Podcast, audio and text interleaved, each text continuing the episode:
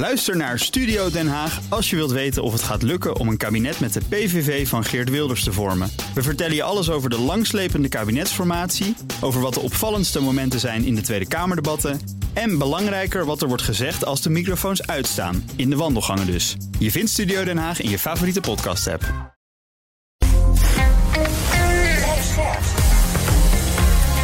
BNR Nieuwsradio. BNR breekt. Kees Dorrestein. Goedemorgen, goed dat je erbij bent. Wij breken weer jouw ochtend met uh, het, het, het, nieuws eigenlijk. En met opiniemakers die daar een mening over hebben. En ook deskundigen die daar een mening over hebben. Vanaf half twaalf hebben we het onder andere over het Formule 1-circus... dat vandaag neerstrijkt in ons pittoresk Zandvoort. We hebben ook een verslaggever daar staan, gaan we daar uh, straks naartoe. Maar eerst even voorstellen wie er in het panel zit vandaag. Daphne Lodder, voorzitter van de JOVD, welkom. Hoi, welkom. En Emma Verschuren, oprichter van van Emma's Tax Law. Ook welkom. Dankjewel, welkom. Het, is wel uh, toepasselijk dat we een uh, belastingdeskundige in de studio hebben. Uh, juist met het breekijzer van vandaag, hè? Ja, zeker. Leuk. Alleen ik hoorde dat jouw bedrijven, de, de ene die jij adviseert... allemaal geen belastingsschulden hebben. Nee, nee, daar ben ik gelukkig van weg kunnen blijven. Ja, wat, wat betreft het onderwerp is dat jammer. Wat betreft de bedrijven is dat natuurlijk hartstikke fijn. BNR breekt. Breekijzer. Ja, dat breekijzer. 1 oktober is een dag die 135.000 ondernemers vrezen. Dan moeten ze starten met het terugbetalen van de belastingsschulden... opgebouwd tijdens de pandemie. Maar door de hoge prijzen, huren, de stijgende lonen en de hoge inflatie... kunnen ze dat niet, zeggen ze in ieder geval. Dat lezen we vandaag ook op de voorpagina van het FD. Goed stuk uh, daarin, uh, want het is een onderzoek ook van het FD. Volgens uh, cijfers van het ministerie van Financiën... verdient bijna de helft van de bedrijven met een coronaschuld te weinig... om het terug te kunnen betalen. En dat bedrag is niet mals, zegt ook Hans Biesheuvel... van Ondernemend Nederland tegen BNR. Er zijn 280.000 bedrijven die terug moeten betalen. En de helft daarvan, ongeveer 135.000, ja, zit in de problemen en gaat het niet lukken. En dat is ruim uh, 21 miljard aan schuld uh, wat er nog open staat. Dus dat is een gigantisch bedrag. Ja, daarom ons breekijzer. Het is onmogelijk voor ondernemers om nu al hun belastingsschuld in te lossen. Bel 020 468 4 keer 0 om te reageren. Denk je, ik ben het eens. En eigenlijk vind ik ook wel dat de overheid ondernemers moet blijven steunen... want het zijn nog steeds moeilijke tijden. Of zeg je, nou, ik ben het eigenlijk oneens, want ze moeten niet zo piepen. Iedereen die een schuld heeft, moet dat aflossen. En ja, ik moet ook gewoon mijn belastingen betalen, toch? 020 468 4 keer 0. Het is onmogelijk voor ondernemers om nu al hun belastingsschuld in te lossen. Bij mij is ook uh, Albert-Jan Zwart hier ook langsgekomen. Dat vind ik altijd uh, extra fijn. Sector-econoom bij ABN AMRO. Welkom. Uh, ik wil direct bij, bij jou beginnen. Um, over, het, over het breekijzer. Eens of oneens? Ik zou mij kunnen voorstellen dat het kabinet dit opnieuw gaat bekijken. enkele maanden geleden wilde het kabinet dit niet. dus nog meer uitstel verlenen aan bedrijven.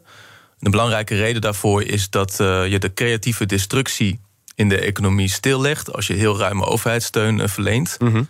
uh, we hebben ook gezien dat het aantal faillissementen tijdens de coronacrisis heel laag was en dat het nu langzaam weer oploopt. Maar nog steeds veel lager is dan uh, voor 2020. ja, en je wil inderdaad niet dat mensen vast blijven zitten in een baan, in een bedrijf dat eigenlijk niet meer levensvatbaar is en door staatssteun overeind wordt gehouden, kunstmatig in leven wordt gehouden. Dat is alleen maar uitstel van executie. Uh, anderzijds zien we dat uh, de problemen voor het bedrijfsleven zich heel snel opstapelen. En we zien eigenlijk dat een aantal van die problemen afgelopen zomer ook uh, zijn verergerd. zoals de energiecrisis. Gazprom levert nog minder gas dan wij al verwachten. Mm -hmm. de prijzen zijn verder gestegen. Ja, en dit wordt zowel voor consumenten als voor bedrijven een enorm probleem. daarnaast is er een koopkrachtdeal gesloten... waarin eigenlijk heel veel lastverzwaringen zitten voor het MKB. Ja. Dus dat zijn eigenlijk allemaal nieuwe feiten waarmee het kabinet misschien wel rekening moet gaan ja, houden. Precies. Nieuwe feiten liggen op tafel. Uh, hoe dat allemaal die bedrijven gaat raken en welke oplossingen er dan mogelijk zijn, dat bespreken we zo meteen. Eerst even naar Daphne. Um, ja, eens of oneens. Het is onmogelijk voor ondernemers om nu al hun belastingsschuld in te lossen. Ik ben het daarmee oneens. Um, als ik het even op mezelf betrek. Ik heb nu uh, zeven jaar gestudeerd. En daar heb ik ook een aardige studieschuld uh, van opgebouwd.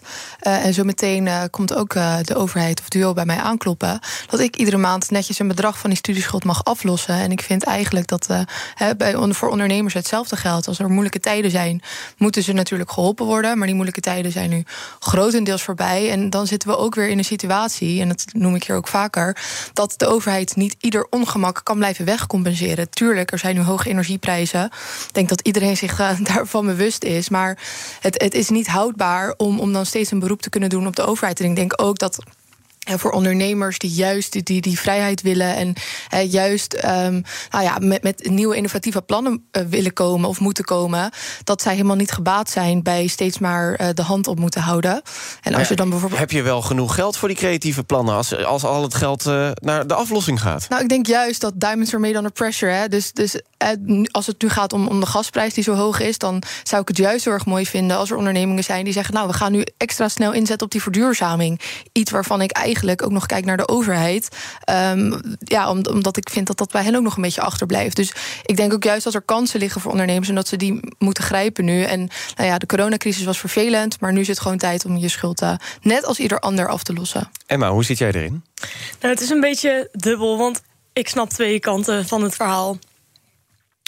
Enerzijds uh, kunnen die ondernemers ja, moeilijk uh, die schulden betalen als ze echt geen geld hebben. Maar aan de andere kant, als zij gewoon maandelijks of weet ik veel, wanneer er geld binnenkomt, een bepaald gedeelte opzij zetten om die schulden te gaan aflossen, zou het ook op te vangen moeten kunnen zijn. Alleen dan zou de overheid wel weer ja, een beetje speling moeten kunnen geven van wat lossen we dan precies af. Bijvoorbeeld de termijnen oprekken van vijf naar zeven jaar, waar nu over gesproken wordt. Ja, precies, zoiets. Dat je gewoon gaat kijken wat is er wel haalbaar. En uh, dat je gewoon echt samen met ze gaat zitten om te kijken hoe je het kan oplossen. In plaats van Um, dat je ja, er heel streng over gaat zijn of iets dergelijks. Ja, wat, wat zou jij ze als belastingexpert adviseren... op het moment dat zo'n bedrijf bij jou komt en zegt... ja, weet je, de helft van mijn winst gaat nu gewoon naar die aflossing. Ik moet ook nog investeren en, en de kosten gaan omhoog. Hoe moet ik dit financieel een beetje bolwerken?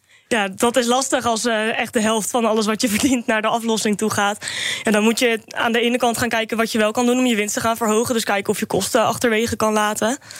Uh, dat uh, is vaak bij veel bedrijven wel mogelijk, omdat ze niet eens weten wat, uh, wat eruit gaat, is mijn ervaring. Ze hebben zoveel loze kosten erin zitten dat, het, nou ja, dat daar al in ieder geval winst op te behalen is.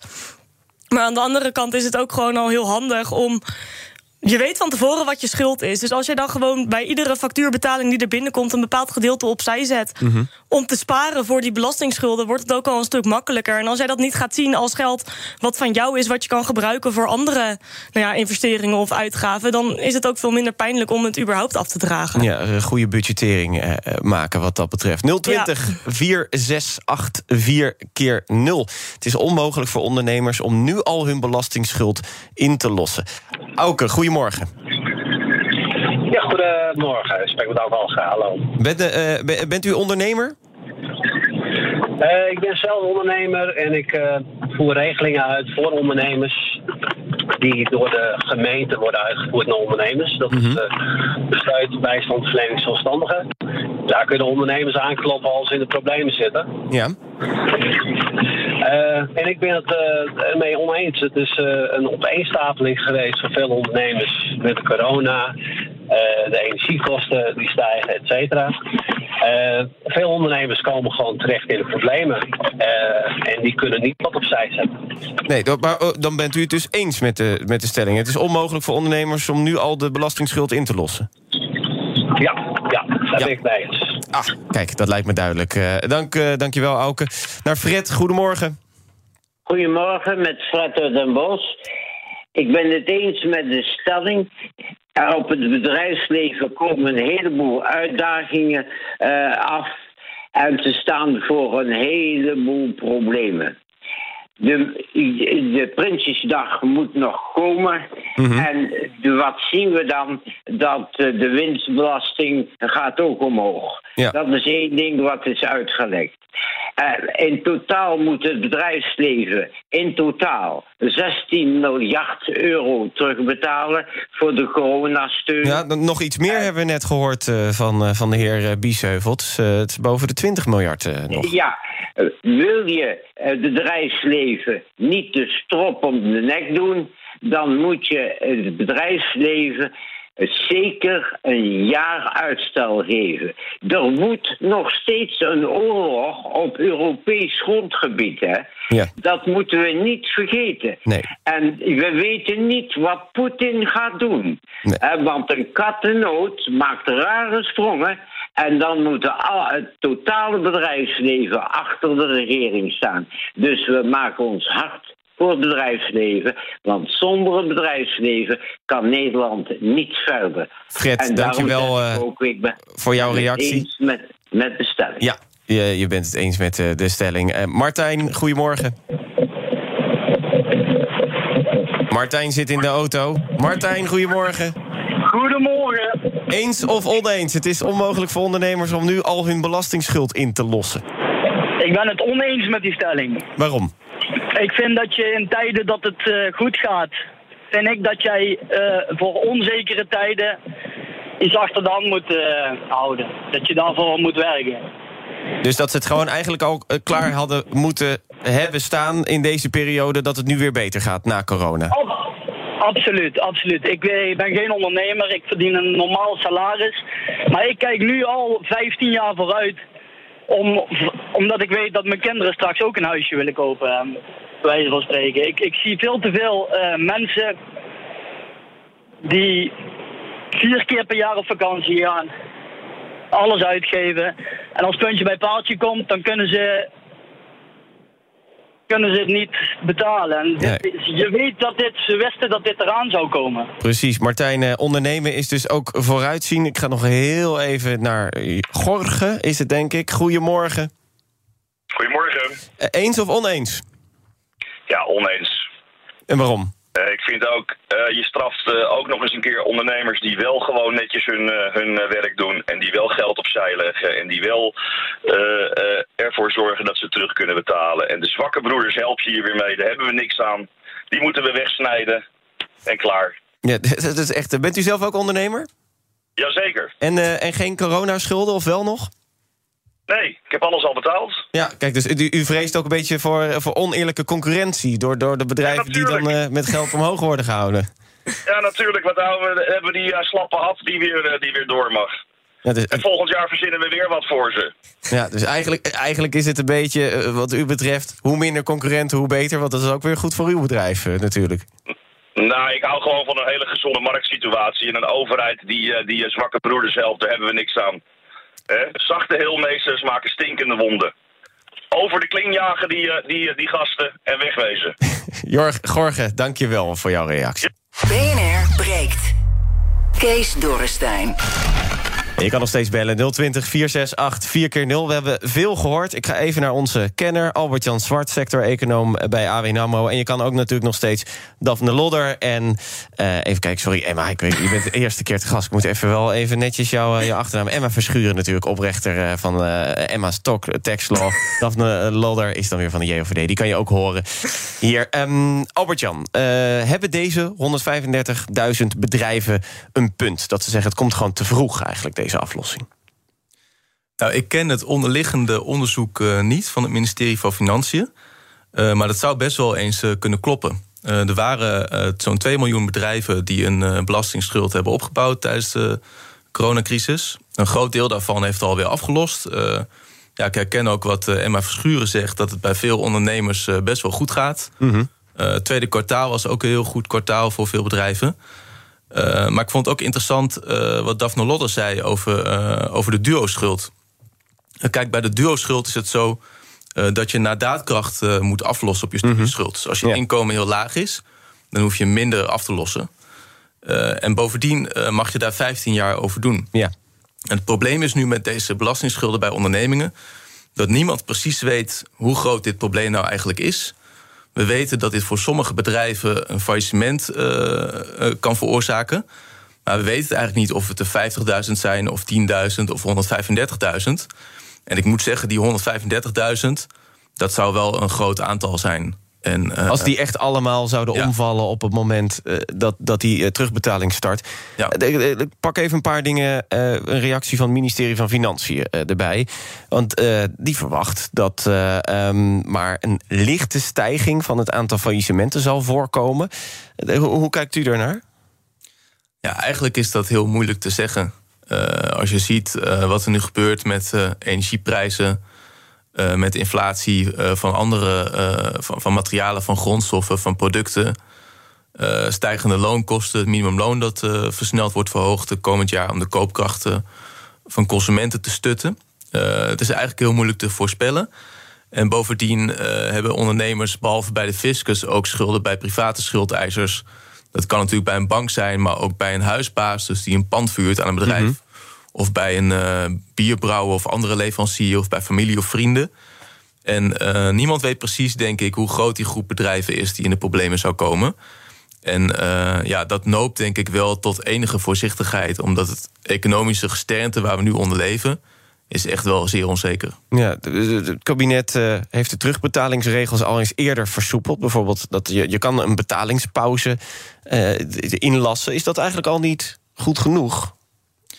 Ja, en uh, de fiscus zal zich ook welwillend opstellen tegenover bedrijven die het nog niet kunnen aflossen vanaf oktober. Maar het probleem is nu dat die groep bedrijven die vanaf oktober in de problemen zou kunnen komen, dat die impotentie best wel groot is. Het getal van 135.000 wordt genoemd door het ministerie, begrijp ik. Ja, als de fiscus dat allemaal moet gaan verwerken. We kennen de problemen bij de fiscus. Daar zijn problemen met capaciteit. Het liefst zou je maatwerk willen, eigenlijk zoals bij het duo. Eigenlijk zou je het liefst willen dat de overheid zegt... we kijken naar je draagkracht en afhankelijk daarvan... bepalen we hoe snel je moet aflossen. Maar dat, dat wordt gewoon onuitvoerbaar waarschijnlijk. Ja, maar wat gaat dit op de lange termijn voor bedrijven betekenen? Stel, ze gaan niet failliet, maar ze hebben wel deze enorme belastingsschuld die ze moeilijk eh, kunnen aflossen. Wat betekent dit op de lange termijn voor de bedrijfsvoering van, van zo'n eh, ondernemer? Ja, het risico natuurlijk van te ruim steunen, en dat hebben economen ook steeds uh, op gewezen tijdens de coronacrisis al. Als je te veel staatssteun verleent, dan houd je ook bedrijven in leven uh, die eigenlijk uh, failliet zouden moeten gaan. De zombiebedrijven eigenlijk. eigenlijk creëer je dan zombiebedrijven die op lange termijn niet levensvatbaar zijn ook niet kunnen investeren om bijvoorbeeld hun productiviteit te verhogen, wat belangrijk is voor de economische groei. Voor de arbeidsproductiviteit. We hebben natuurlijk een personeelstekort in veel sectoren, dus dat is ook belangrijk om te investeren en productiever te worden. Um, dus ja, dat is wel een reëel risico aan, uh, aan te ruime staatssteun, zeker. We hoorden net Gorge, uh, een ondernemer, die belde. En die zei, ja, weet je, ik heb mijn schuld al afgelost. Eh, kom op, laat ze, laat ze lekker omvallen als ze het niet kunnen doen. Is het ook niet zo dat stel ze zouden weer belastinguitstel krijgen... is dat wel eerlijk tegenover de bedrijven die hun schulden al wel betaald hebben? Ja, je zou kunnen betogen dat dat niet helemaal eerlijk is. Dat je oneerlijke concurrentie misschien krijgt. Ja, dat, dat zou je zeker kunnen betogen. En uh, er zijn ook ondernemers die uh, niet bij de fiscus in het rood willen staan... en privé-schulden hebben gemaakt om hun onderneming overeind te houden. En ja, dat zou je inderdaad kunnen betogen... Uh, alleen er is ook een economische werkelijkheid, denk ik, waar ook de politiek rekening mee moet houden. En heel, heel zorgvuldig naar moet kijken om, om te voorkomen dat opeens heel veel bedrijven failliet gaan door die opeenstapeling van problemen die we nu zien. Want dat betekent ook uh, minder werkgelegenheid. En dat, als je zo'n faillissementsgolf krijgt als tijdens de financiële crisis, dat waren echt wel flinke aantallen bedrijven die dan per maand failliet gingen, natuurlijk.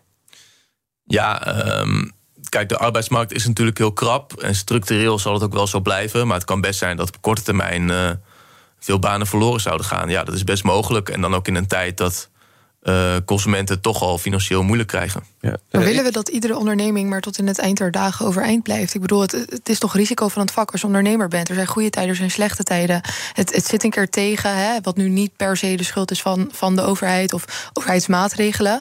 Uh, die, die zijn opgelegd. Nou, dan, dan gaat een ondernemer gaat weg, innoveert weer, bedenkt iets nieuws en komt in een andere sector of op een ander moment keert hij of zij weer terug. En ik bedoel, dat is toch denk ik wat wij allemaal als normaal veronderstellen. Dat is, dat is ook. Uh, hebben we het ondernemersrisico nog wel duidelijk genoeg op, op de radar. Dat ondernemen is ook gewoon een risico. In goede tijden verdien je goed. In slechte tijden, ja, dan, dan kan je misschien failliet gaan.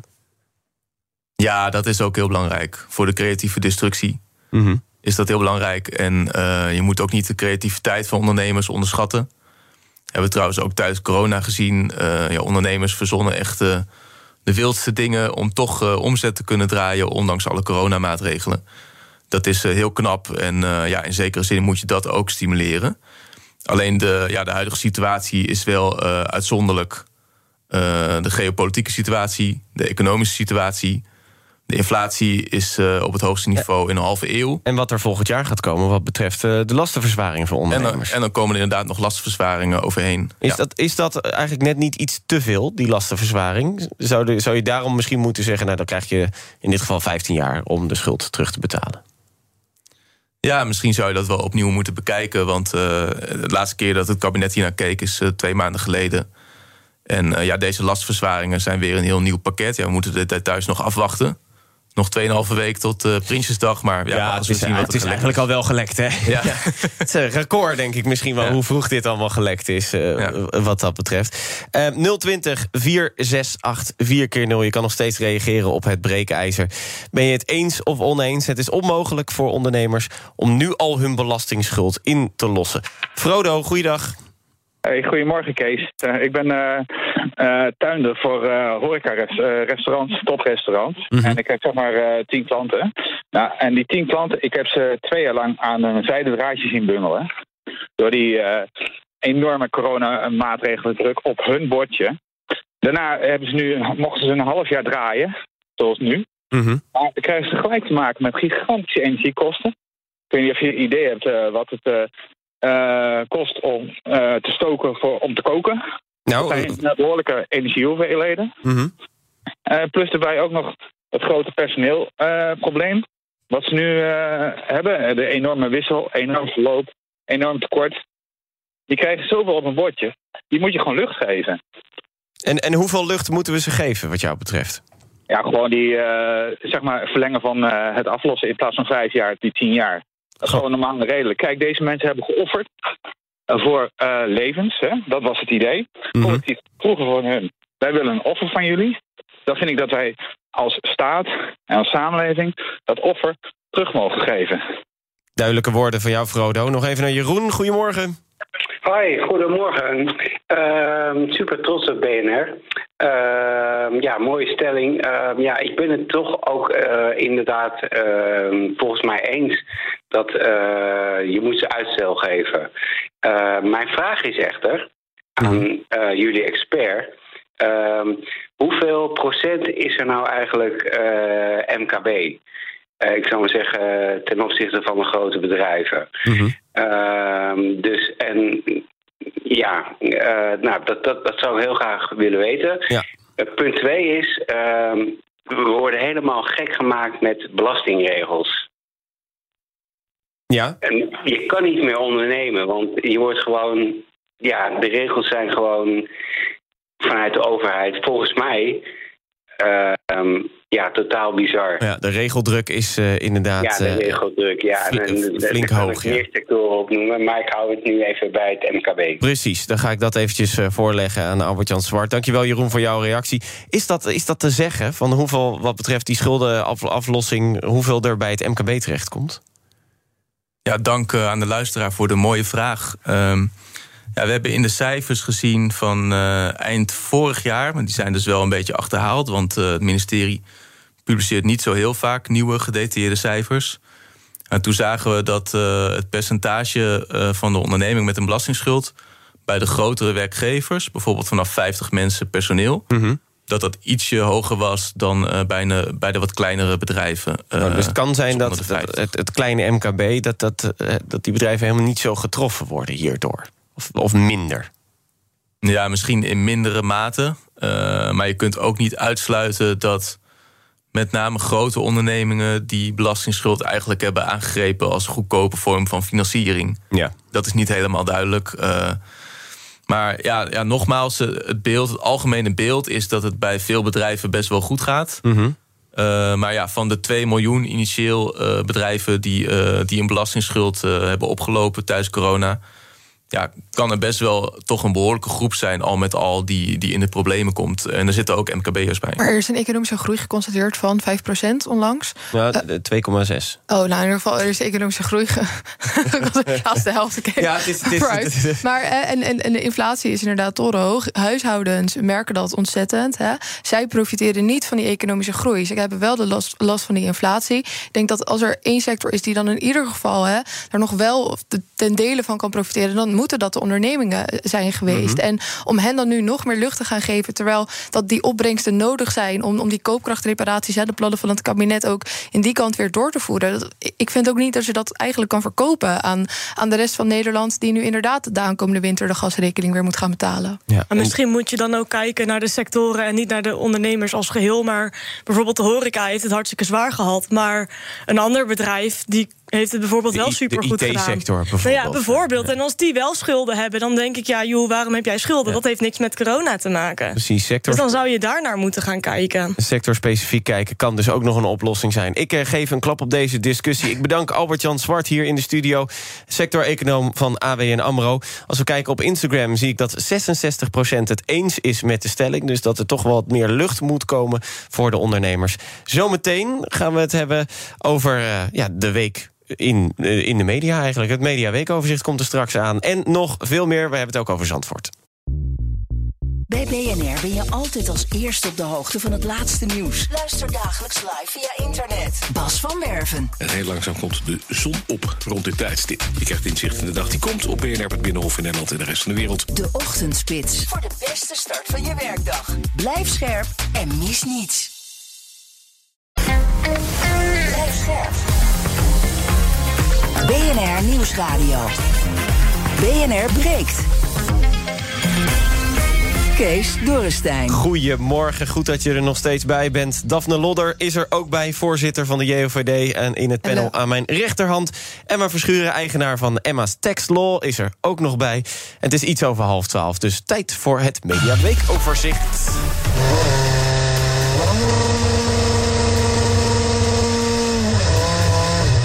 Ja, ja, ja. Het is de week van Zandvoort, maar dat zometeen, dus nog niet wegrijden. Van auto's eerst even naar het spoor, want het NS-personeel staakte deze week. Het treinverkeer lag daarom in heel het land plat, zag ook onze verslaggever Martijn de Rijk. Gelukkig, de meeste reizigers die wisten het al. Ehm, nou, het is altijd even ongelukkig, want ik reis eh, nu wel langer naar school dan ik normaal doe. Maar met de bus is het ook prima te doen, dus ik, eh, ik red het wel. En slechts een enkeling komt voor Joker naar het station. Ja, ik woon hier. Mijn vriend wilde naar Zwitserland vandaag. En toen? En nu staan we hier met een ticket en geen informatie en geen treinen. En nu? Ja, nu gaan we weer naar huis, hè. Deze week kwam er ook eindelijk witte rook vanuit de schoorstenen van de coalitie. De partijen die zijn het eens geworden over een pakket van 16 miljard euro... of rondom de 16 miljard euro... om de koopkracht te bevorderen na een lange nacht vergaderen. Ja, het is voor mij nog dinsdag. het moet nog woensdag worden eigenlijk, voor mijn gevoel. Ja, het was een lange nacht. Ja, dat zei onze politieke man Leendert Beekman... die het de hele nacht heeft gevolgd. En hij wist ook al snel wat er afgesproken was. Het minimumloon wordt fors verhoogd. 10% erbij vanaf 1 januari. Dit heeft ook gevolgen voor de uitkeringen en de AOW. Deze zijn gekoppeld. En verder komt er een lastenverlichting. Inkomensbelasting gaat omlaag en de arbeidskorting gaat omhoog. Het was ook de week van... Nog niet, nog niet, wegrijden. Komt zometeen echt Zandvoort. Het was de week dat er bemiddeld werd door Johan Remkes... tussen het kabinet en de boeren. Want de boerenclubs schoven allemaal aan. De ministers gaan samen met de sector kijken hoe en wanneer eh, een wettelijke eh, verankering eh, van KDW vervangen kan worden door een ander juridisch houdbare systematiek waarin de staat van de natuur centraal staat. Het kabinet heeft aangegeven dat op dit moment eh, 2030 niet ter discussie staat. De altijd snel sprekende Remkes. Het was eh, ook de week dat we afscheid namen van de man die een einde maakte aan de Koude Oorlog, Gorbachev. Boris Johnson over hem in zijn laatste week ook als Brits premier. Mikhail Gorbachev is one of those people who changed the world and unquestionably changed it for the better. When you look at what he did to Europe whole free, to give uh, freedom to the countries of uh, the former Soviet Union. En het was de week dat we ja, toch wel met z'n allen hadden over het stoppen. Potverdikkie, het stoppen. Want, want wie had dat afscheid nou verwacht? Wat is de reden, Simon? Bij mij is de lol al een tijdje weg. En eh, ik ben de, de initiatiefnemer in dit verhaal. Nou, jongens, niet Nick en Simon. Het boeit toch echt helemaal niemand iets. Ik heb het natuurlijk over Shell-topman Ben van Beurden. Hij treedt volgend jaar terug, namelijk meldt Reuters vanmorgen. En dat is toch wel opvallend nieuws. En ja, tot slot, het was de week van Zandvoort. Je mag. It's lights out and away we go.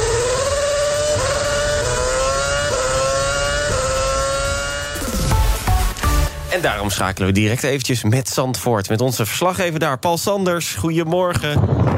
Goedemorgen, het circuit, inderdaad. Ja, je staat echt in, je staat echt in Zandvoort, zeg. Wat voor dikkie, man. Heb je een windkanon Nee, meegenomen?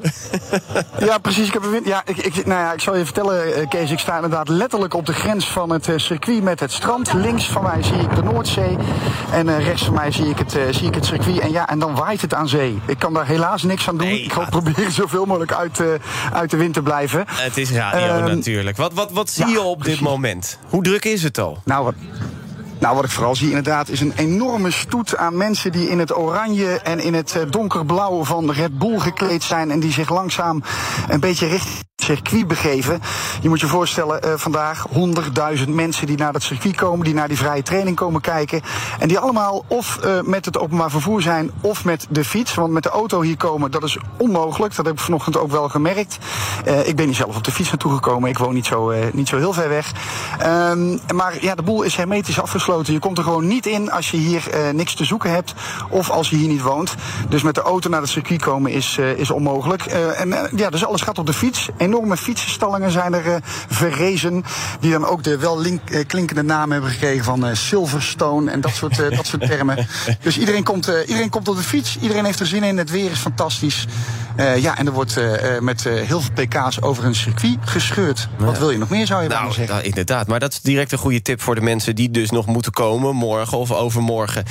De auto is dus geen optie. Ik hoor op de achtergrond nog wat getril. Kan een helikopter zijn van de, echt, de Ja, echte dat is een mensen. helikopter, Ja. er zijn ook mensen die echt veel geld hebben. Die kunnen de, de fiets toch nog laten staan, hoor ik. Ehm, eh, zie jij ook een beetje dat de ondernemers in Zandvoort hiervan profiteren? Nou, dat, dat, dat, dat denk ik haast wel. Want als je eigenlijk eh, dit hele evenement op de keper beschouwt... dan is het een, een marketingbombardement waar je akelig van wordt. Ehm, overal wordt iets verkocht. Hè. We hebben het over de kleine ondernemers. Dus ik zie daar gewoon rechts van mij de viskraam die goede zaken doet... en die eh, de hele vitrine vol heeft liggen met eh, eh, drankjes, met vis, met broodjes. Ga ze maar door. Die vinden ook gretig aftrek. Maar als ik dan ook naar het strand kijk... dan zie ik dat al die strandtenten allemaal zijn overgenomen door PON Automotive, eh, door Porsche, eh, door eh, allerlei bedrijven die daar een hospitality hebben. Nou, de hotels natuurlijk in Zandvoort zitten allemaal vol. En we kunnen ook wel zeggen dat alles in de omgeving van Zandvoort volledig vol zit.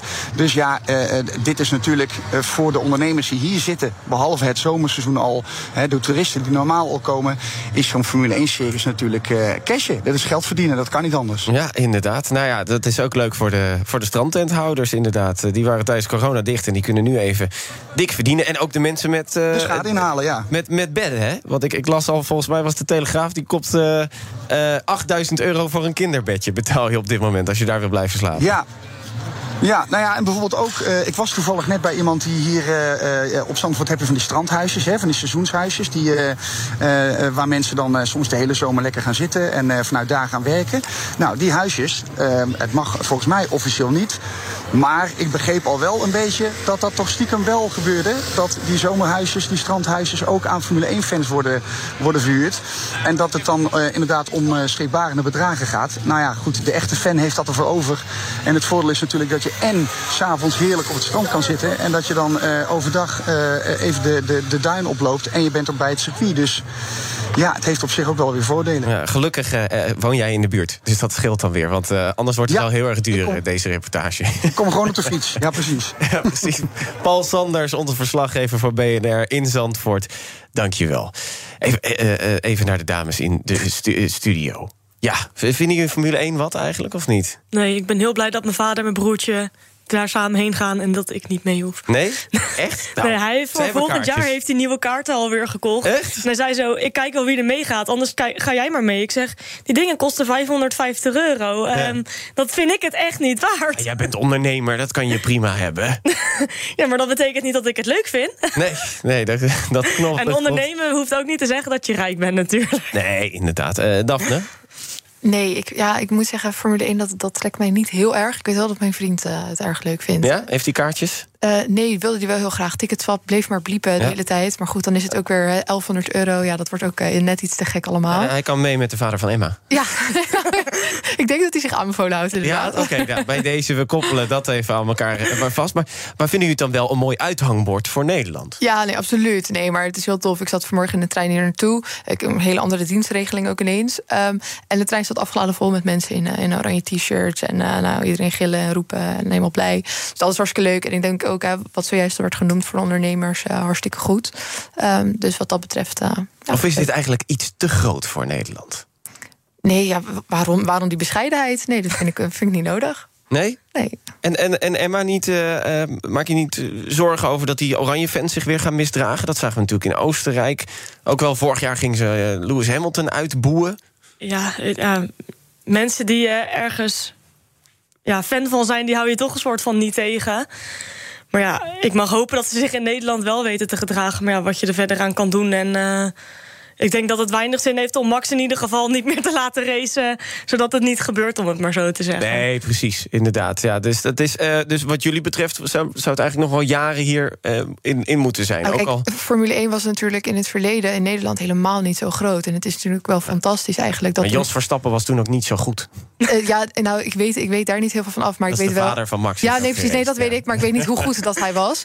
Uh, maar goed, toen, toen Hamilton een soort van nog de enige was, geloof ik. Um, en Max nog niet in de picture was, was in Nederland Formule 1 helemaal niet zo'n gekte. Nee. En nu dat, hij er is, is dat wel zo. Dus zijn er niet te veel gewoon uh, juichsupporters, als het ware? Nou, maar dat is toch een fantastisch goed. idee dat, dat één stopsporter eigenlijk ja, zo'n golf van enthousiasme teweeg kan brengen. Ik vind dat ergens ook wel iets heel erg leuks hebben. Ja. Maar Max is toch ook de enige die Nederlands kan, tenminste wereldkampioen is geworden die Nederlands is, zeg maar. Ja, dat, dat, dat, dat zijn vader dat, heeft dat, klopt. nooit bereikt. Ja, dat, kijk, er zijn die Formule 1-fans die dit luisteren en die vinden dit er waarschijnlijk een domme opmerking. Uh, het, is, het is wel geschiedenis natuurlijk, maar het is maar inderdaad daar had zo. hij ook dus zo'n onderscheiding gisteren van gekregen. Ja, ja, dat is zeker. Maar hij gaat hem niet opdoen, hebben we dan weer gehoord. Oh. Vind ik jammer dat hij hem niet even op, opspelt op zijn overal op het moment dat hij weer gewonnen heeft. Want hij gaat natuurlijk ja. gewoon winnen. Tuurlijk. Zeker, zeker.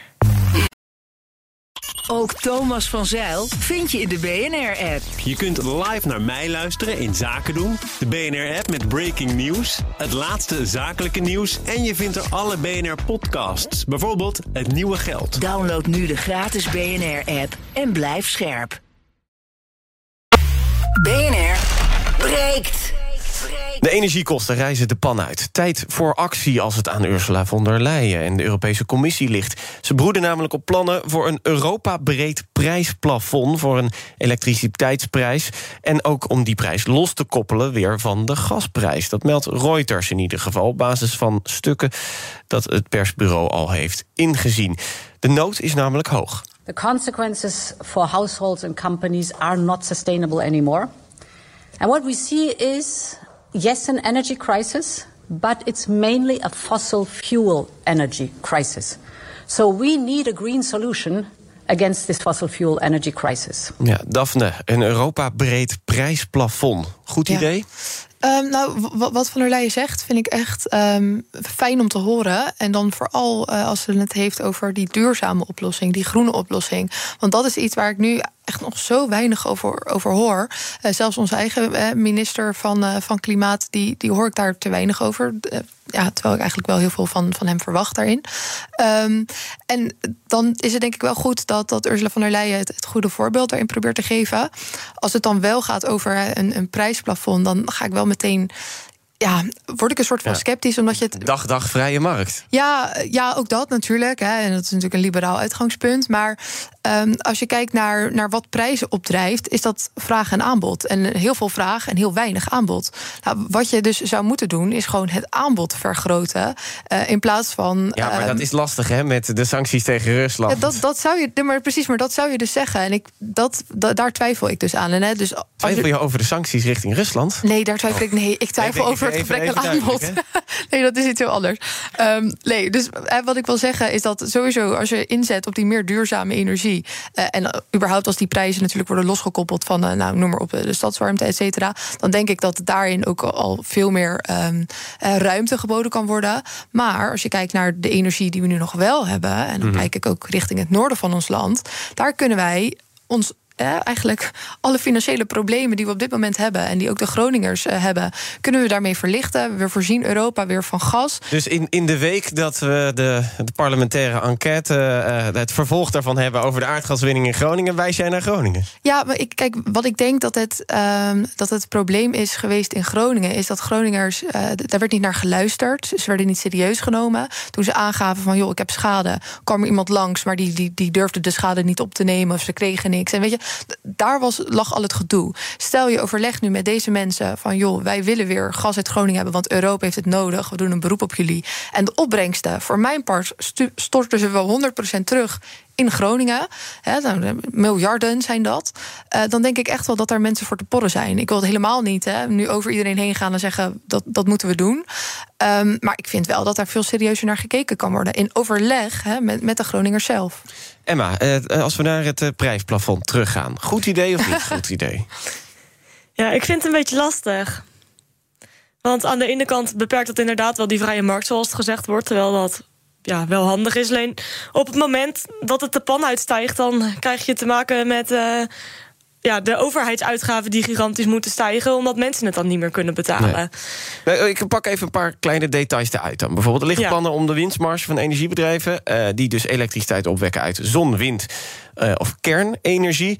Uh, om, uh, om die, ja, die op dit moment maken die natuurlijk ook een grote winst. Mm -hmm. Om daar eigenlijk een soort van winstlijn in te stellen. Tot een bepaald punt kan je winst maken. Alles dat erboven verdiend wordt, gaat weer terug in de staatskas. En dat kan dan weer ingezet worden, Europees gezien, om, om mensen te helpen wat betreft de koopkracht. Is dat, is dat, dat vind een ik wel een mooi idee. Maar zouden we dan eigenlijk ook niet, als je het omdraait. Het is toch vrije markteconomie. Als het dan heel slecht Ja. gaat met, met die energiebedrijven zouden we dan die bedrijven weer geld moeten geven? Want ja, je doet het wel andersom. Ja, ja. Ja, het, dit is gewoon een heel lastig iets eigenlijk, waarbij je het eigenlijk nooit goed doet. ja, dat, is het, dat is gewoon zo. Want aan de ene kant beperk je die bedrijven als je zo'n plafond invoert. Maar aan de andere kant, als je het niet doet, dan geef je alle huishoudens um, en kleinere bedrijven, et cetera, gewoon een last waar ze niks mee uh, kunnen. En zal je als overheid um, die mensen moeten ondersteunen om te zorgen dat ze hun hoofd boven water kunnen houden. Ja. En maar innoveren in, hè, of innovatie stimuleren, dat is toch iets wat, um, hè, als je kijkt naar, als we het dan toch bij de vrije markt willen houden, hè, iets dat wel heel veel uh, rendement kan opleveren. Mm -hmm. En uh, kan de overheid kan investeren in iets heel nuttigs. En uiteindelijk de gevolgen van die innovatie, denk ik, een versnelle, versnelde duurzaming uh, van, van Nederland en van Europa, voor that matter. Um, daar kunnen wij dan uiteindelijk weer van profiteren door nou, dat de gras prijs of überhaupt de prijs van, van stroom en elektriciteit echt ja, ver omlaag zal zakken. Ja. Tot ja, slot. bijvoorbeeld als we allemaal zonnepanelen op dakken overal mm -hmm. gaan uh, plaatsen. Je kan dat niet nog uh, heel goed opslaan in mega grote batterijen of iets dergelijks. Dus dan heb je op dat moment, als de zon schijnt, heel veel aanbod. Maar als mm -hmm. de zon even niet schijnt, heb je ook weer een probleem. Dus dat is ook weer iets heel lastigs dan. Ja, maar is het niet te, te veel lange termijn gedacht dit? Want we zitten nu in de problemen. Ja, maar daarvoor noemde ik net natuurlijk Groningen al. Ja, dat is ook. Dus ik heb een korte termijn en een lange termijn. Ja, Ze mogen mij bellen. Het is echt. Uh... Jij krijgt echt zoveel berichten nu op jouw Twitter van allemaal mensen die boos zijn. Uh, nee, ik, zeg, ik zeg niet over mensen hun rug heen gaan. Hè. Ik zeg, je moet blijven praten en communiceren. Want ik denk dat dat is wat de politiek op dit moment te weinig of verkeerd doet. Dat is dat ze heel veel praten, maar heel weinig luisteren naar de zorgen van mensen. En als je dat doet en je zegt van, joh, we hebben dit idee. Hoe denken jullie daarover? En kunnen we hierover het gesprek aangaan? En als je mensen op die manier gelijkwaardig benadert, dan denk ik echt. En dan noemen we naïef of optimistisch of wat dan ook. Maar dan denk ik echt dat er veel betere uitkomsten mogelijk maar, zijn. Maar zou er niet uh, überhaupt een uh, Europese uh, gas, gasprijs en elektriciteitsprijs moeten komen? Want in, in, Nederland is het nu bijvoorbeeld heel hoog vanwege accijnsen en allemaal, ja. allemaal netwerkkosten en dat soort zaken. Hebben we dat goed genoeg voor elkaar? Ja, nu, nu dat er natuurlijk um, veel, veel vraag naar is, gaat iedereen zeggen: ja, hadden we, hadden we dat maar gedaan. Ja. Maar ik kan me ook wel voorstellen dat je niet uh, nou ja, de, de, hele Europese markt in één keer uh, wil, wil gelijk trekken en dat, dat een land niet. Hoezo niet?